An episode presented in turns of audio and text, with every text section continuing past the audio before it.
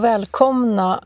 Och jag sitter i bilen och hej Maria. Hej! Jag sitter inte i bilen. Jag sitter på kontoret och det är strålande sol utanför eh, fönstret. Det tycker jag känns skönt.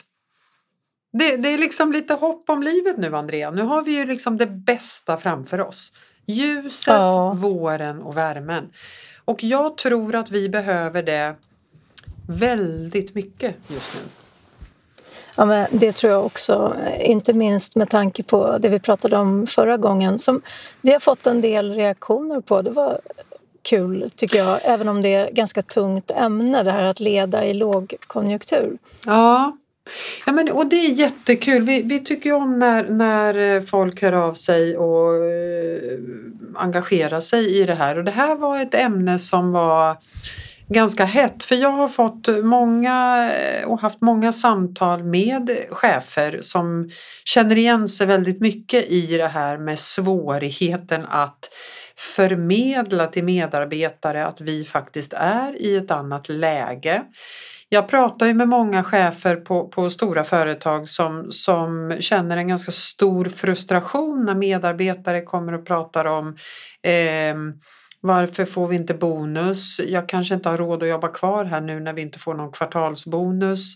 Eh, jag tycker att det är eh, micromanagement och att jag vill gärna fortsätta sitta hemma fyra, fem dagar i veckan. Och den här chefen satt i en utmaning och kände att nu behöver vi tajta till. Eh, det handlar inte om micromanagement, det, behöver, det handlar om att vi behöver tajta till, vi behöver fokusera på att vi gör rätt saker och då har man ett gäng medarbetare som eh, inte vill det och inte förstår och sitter och eh, är eh, bittra över att man inte får någon bonus, för det fick man ju förra året. Jag förstår ju den frustrationen. Verkligen. Och, var, och varför då menar du? Nej men för att någonstans så är ju det där en, en chef, det kan vara en mellanchef som har ett ansvar och behöver få sina medarbetare att tänka lite mer produktivt och effektivt och jobba lite tajtare och kanske inte sitta och fundera på varför man inte får någon bonus. För det, det tycker jag känns eh, det känns ju ganska uppenbart att bonus kopplas väl till oftast hur ett företag går.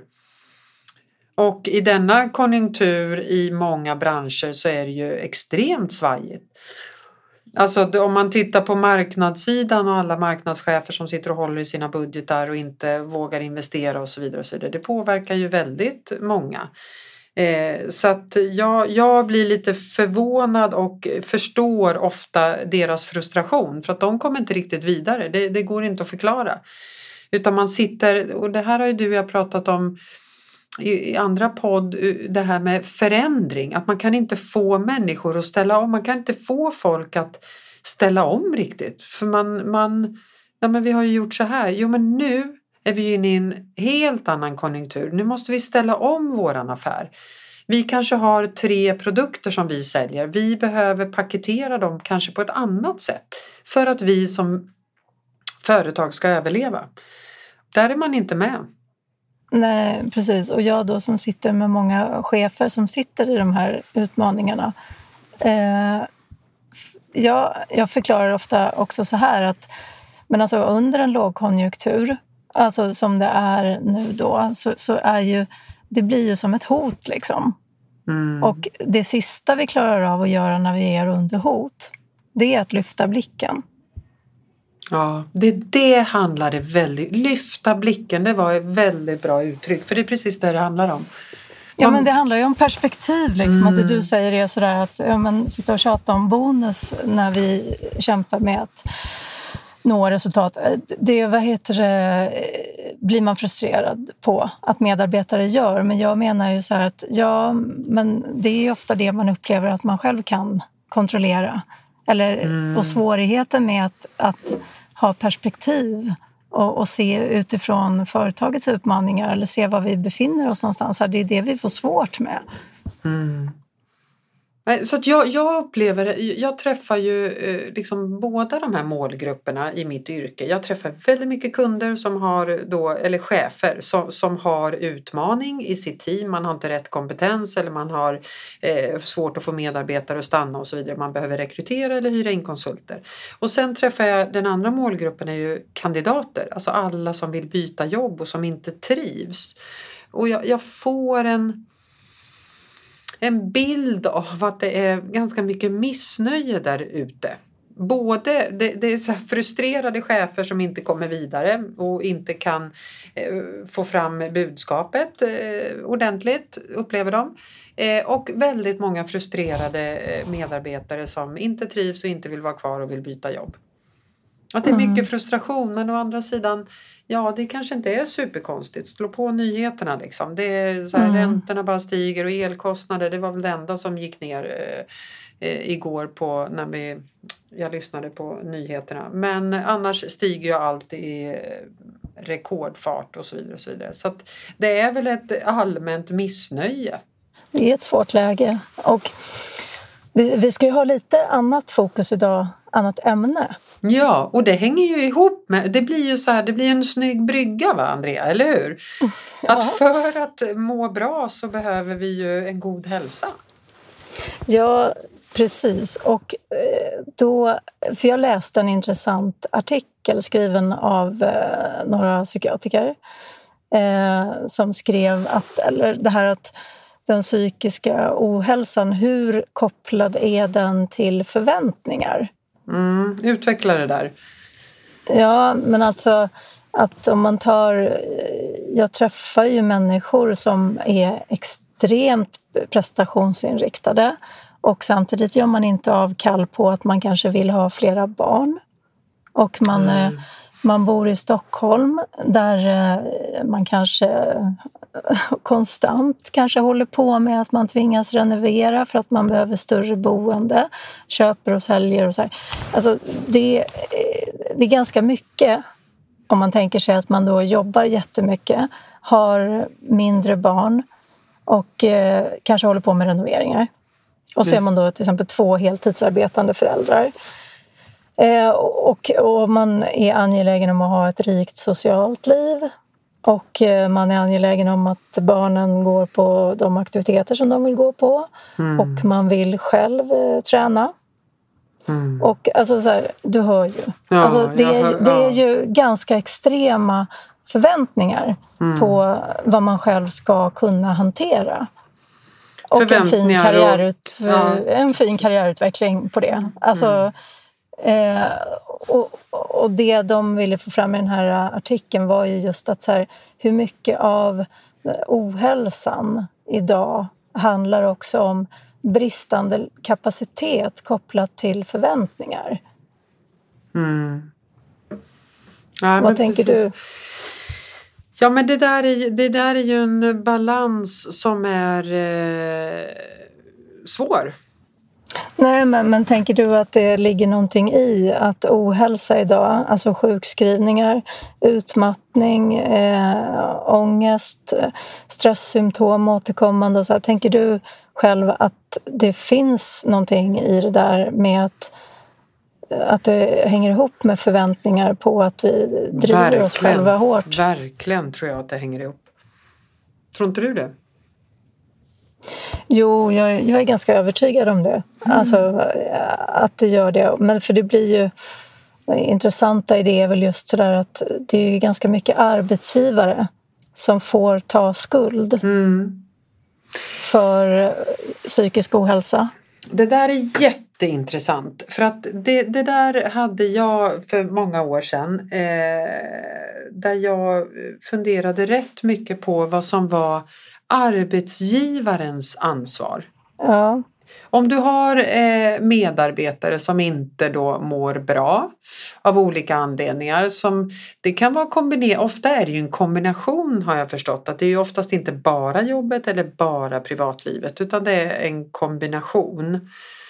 Eh, och då liksom vad, vad, vad kan man kräva av sin arbetsgivare för att må bra?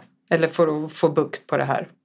Ja, men, men för, för jag, jag tänker att det svåra blir ju det här att ja, men en arbetsgivare får ju ofta ta skuld när personer bränner ut sig. Mm. Och, att, att, och, och, jag kan ju mena att också att individer har ju också ansvar i så här, när man tar en anställning och säljer in sig själv Mm. Som att, att man, och man faktiskt kanske har också väldigt hög kapacitet och är väldigt prestationsdriven. och så. Men att så här, det man kanske inte tar hänsyn till är ju också helheten i livet. Mm. Och att man vill mycket på samma år. alltså Nej, på. Ja, och, och, det är det där som jag kan tycka blir lite tokigt för det handlar ju inte om att man egentligen inte har kapaciteten för den rollen som man tar eller den utvecklingen man vill ha. Det kan man ju ha om man tittar på det enskilt bortsett från allt annat. Mm. Men, men kapaciteten är ju också, begränsas ju också utifrån hur livet ser ut i övrigt. Just det. Och där tycker jag att det blir ibland lite tokigt för att en arbetsgivare kan få bära, bära rätt mycket skuld mm. för att det blir orimliga förväntningar i jobbet. Och det kan det ju verkligen vara. Mm. Men, men, det finns ju också en aspekt av att det kanske är orimliga förväntningar på många håll i individens liv. Jag håller helt med. Jag håller helt med och det är lite det min poäng. Men, men då, hur gör man för att komma till bukt med det här då? Hur gör man? Ja, men det här är ju, det är ju inte en enkel eh, Nej. fråga. Men, men, men jag, jag, tänker till exempel att eh, det, ja, men det här att ta, ta på sig mycket ansvar i jobbet. Ja, men, mm. Chefsroller eller specialistroller där du har mycket ansvar. Och så, och, eh, och så har man samtidigt krav på att man ska hämta och lämna barn i en rimlig tid. Mm. Och eh, ja, men så jobbar man i kapp lite på kvällarna så märker man efter ett tag att det där är helt ohållbart. Jag får aldrig den återhämtningen jag behöver. Eh, och, och, bara redan där menar jag så här, då, då kanske det förutsätter att eh, fokus är barnen och jobbet. Mm man kanske inte får till allting annat. Nej. Ja. Och det tycker jag, det, det, brukar jag prata om så här. Jag startade ju det här företaget för sex år sedan när jag inte hade småbarn och jag brukar ofta reflektera över att jag hade aldrig klarat det här för 15 år sedan när jag hade tre mindre barn. Jag hade aldrig gjort det. Och det är det man också vill så signalera till de här unga personerna som ska göra allting på en gång. Man ska ha tre små barn, man ska ha en villa med tomt som man ska sköta, man ska ha, göra karriär och gärna ha en chefsroll. Det jag liksom vill förmedla är att din tid kanske kommer sen. Allt behöver, man behöver inte göra alla de här sakerna på en gång. Man kanske inte behöver ha chefsrollen när man har mitt uppe i småbarnsåldern. Det finns ju kvar, Nej. tänker jag. Ja, men, men så är det ju. Och sen är det ju det att, att eh, det som blir så svårt är ju att det driver så extremt mycket otillräcklighet och skuldkänslor gentemot kanske främst barnen. Mm. För det är oftast det som kostar hårdast. Mm. Skuldkänslan alltså.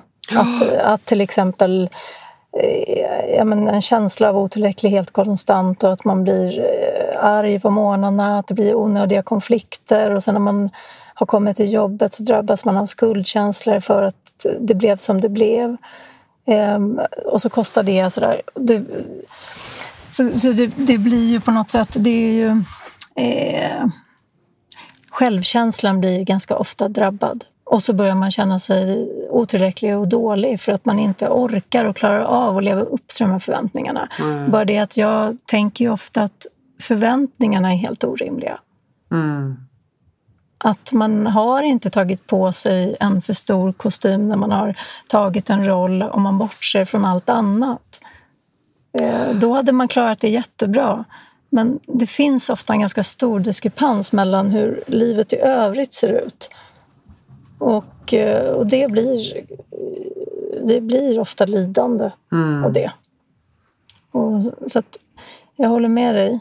Eh, att lyfta blicken lite kanske och se livet som lite längre och att vi får fler möjligheter. Och sådär. Allt behöver inte ske mellan ja, en viss ålder. Nej. Och liksom vara lite snäll mot sig själv. För det är ju det man inte är när man sätter upp de här kraven. Liksom. Man, man måste vara liksom snäll mot sig själv. Mm. Och det, det som också är intressant, för då har jag läst vidare lite kring det här. Mm. Eh, men just att det har ju ökat väldigt mycket det här att eh, väldigt många jagar diagnoser och sådär. Mm. För att man blir självkritisk i, i att ja, men jag kan ju inte fokusera. Eller jag, eh, eh, jag är ju tokstressad hela tiden och det blir sådär som ett felsök på att då måste det ju vara fel på mig. Mm. Eh, och det där tycker jag också blir så tokigt i att på något sätt så här, helt orimliga förväntningar kanske som vi väldigt många har på oss själva. Mm. Och eh, så här, stå mitt uppe i, ett, i en renovering av hus med till exempel tre små barn och heltidsjobb mm. och aktiviteter. Och, du vet, Nej, är, det konstigt, är det konstigt att man inte kan fokusera när man ska sätta sig på jobbet? Och, jag vet inte.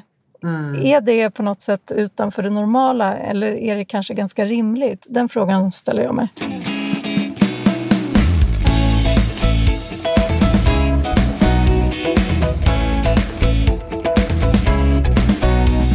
Och det, det, det gör väl saken ännu värre det här eh, liksom det som händer runt om i världen också och i samhället och priser och kostnader och press mm. och eh, neddragningar på arbetsplatser och så, då, då, då har man liksom på toppen av det här då är du jäkligt rädd om ditt jobb också och är rädd att så att då, mm. blir, då blir känslan av att behöva prestera, den blir ju ännu högre. För att jag tänker om jag blir mm. av med jobbet, vad händer då? Mm. då eh, så.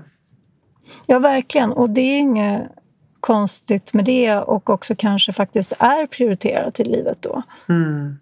Att säkerställa jobb, till exempel. Men, men då kanske man behöver dra ner på andra ambitioner. Precis.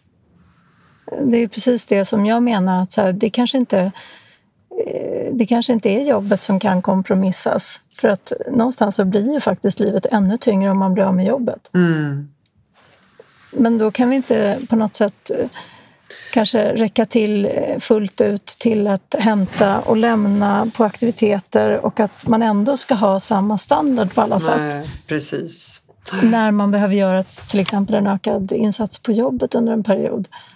Men att kunna balansera det där och faktiskt dra ner på annat det är, upplever jag att man har ganska svårt med. Mm. Jag tycker att jag verkligen behövt göra det i perioder i mitt liv. När är det liksom, kan du relatera till vilka perioder i livet var det? Var det liksom i små, nu du var ju för sig fortfarande småbarn, men eh, var det tydligt i småbarnsåren? Ja, fast det är ju jag i konstant. Ja, du har det, varit det hela ditt liv. Ja, precis. Nej, men, ja, men vid större livsförändringar, eh, när det är eh, mycket med jobb, alltså covid. Ah. När man började bli orolig för businessen. Mm. Eh, då började jag jobba mer. Och att då blir ju någonting annat eh, drabbat. Och det var ju ganska mycket socialt liv, till exempel. Mm. Att det inte går att upprätthålla allt samtidigt. För det är ju det vi går sönder av. Mm. Jag... jag eh, en, så här, man pratar med och bara, nej men gud man kan inte vara ute på kvällen för då blir man så trött dagen efter. Och det är ju en sägning. Jag är ju så här, ja, jag, men jag är gärna trött dagen efter för jag får så mycket energi av den här kvällen till exempel. Alltså vi har ju olika behov och olika syn på vad som är Ja, precis. Men Eller då har ju du till exempel i ditt liv just nu så har inte du eh, två barn som ligger och skriker på köksgolvet Nej. när ni ska iväg till förskolan och att det är tokstressigt i, i två mm. timmar. Och sen så, alltså, så att jag menar, då kanske man har det utrymmet. Mm, mm.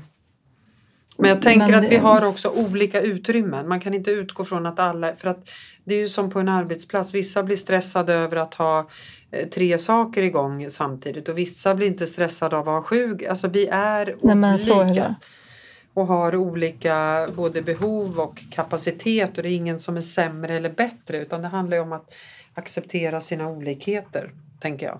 Ja, men precis. Där Eller du förmodligen, där du säger att, eh, att du får energi av att gå ut och att du kan bli lite trött. Men att du då, eh, jag menar, du är väl en ganska extrovert person som hämtar energi från det sociala. Ja, precis. Ja, jag är ju en ganska introvert person Mm. som inte gör det. Nej. Och, och då har jag hög belastning så är det ju inte det jag ska hålla på med. Nej. Och tänk vad skönt det är att vara så här gammal som du och jag är Andrea. För att vi har ju liksom, Ja. vi känner våra egna, tänk vad skönt, jag tänker så här ungdomar som växer upp och man tror att man ska vara som alla andra och man ska hinna orka med det och man ska eh, fota sig på gymmet och de är där, herregud, fyra dagar i veckan, de har en egen PT och de reser och de äter god mat och bara hälsosamt. Alltså, vi är ju i alla fall så eh, till åldern att vi förstår att så är inte verkligheten. Men våra barn och unga vuxna som växer upp, de, de har ju inte riktigt lärt sig det här. Att det får vara olika. Nej! Mm. Nej, men så är det ju verkligen. Och det är väl det som är livet på något sätt. Ja. Men det är en liten sorglig verklighet tycker jag. Ju- Just för det här att man, man tror att verkligheten är det man ser på Instagram. Mm. Och apropå då psykisk ohälsa Mm. så, så jag tror verkligen också att det är klart att det bidrar. Alltså all, att man tror att det är på ett visst sätt i andras liv. Via sociala medier. Mm. Exakt. Precis. Med förväntningar och... Mm. eh, Verkligen. Så att... eh, Mm, nej, verkligen. Nej, det där är, ja, det är intressant eh, ämne. Jag känner mig, jag tänker ofta på så här att jag är väldigt glad att jag inte är ung idag. Med allt det här runt omkring. Ja, och då, då kan man ju inte låta bli att ställa frågan.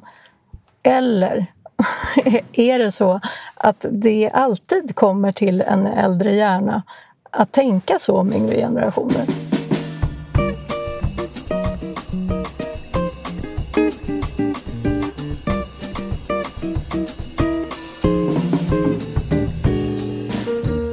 Jag tänker så här, tiden börjar rulla ut och ska, ska vi liksom ge några tips kring det här? Hur, hur tänker vi?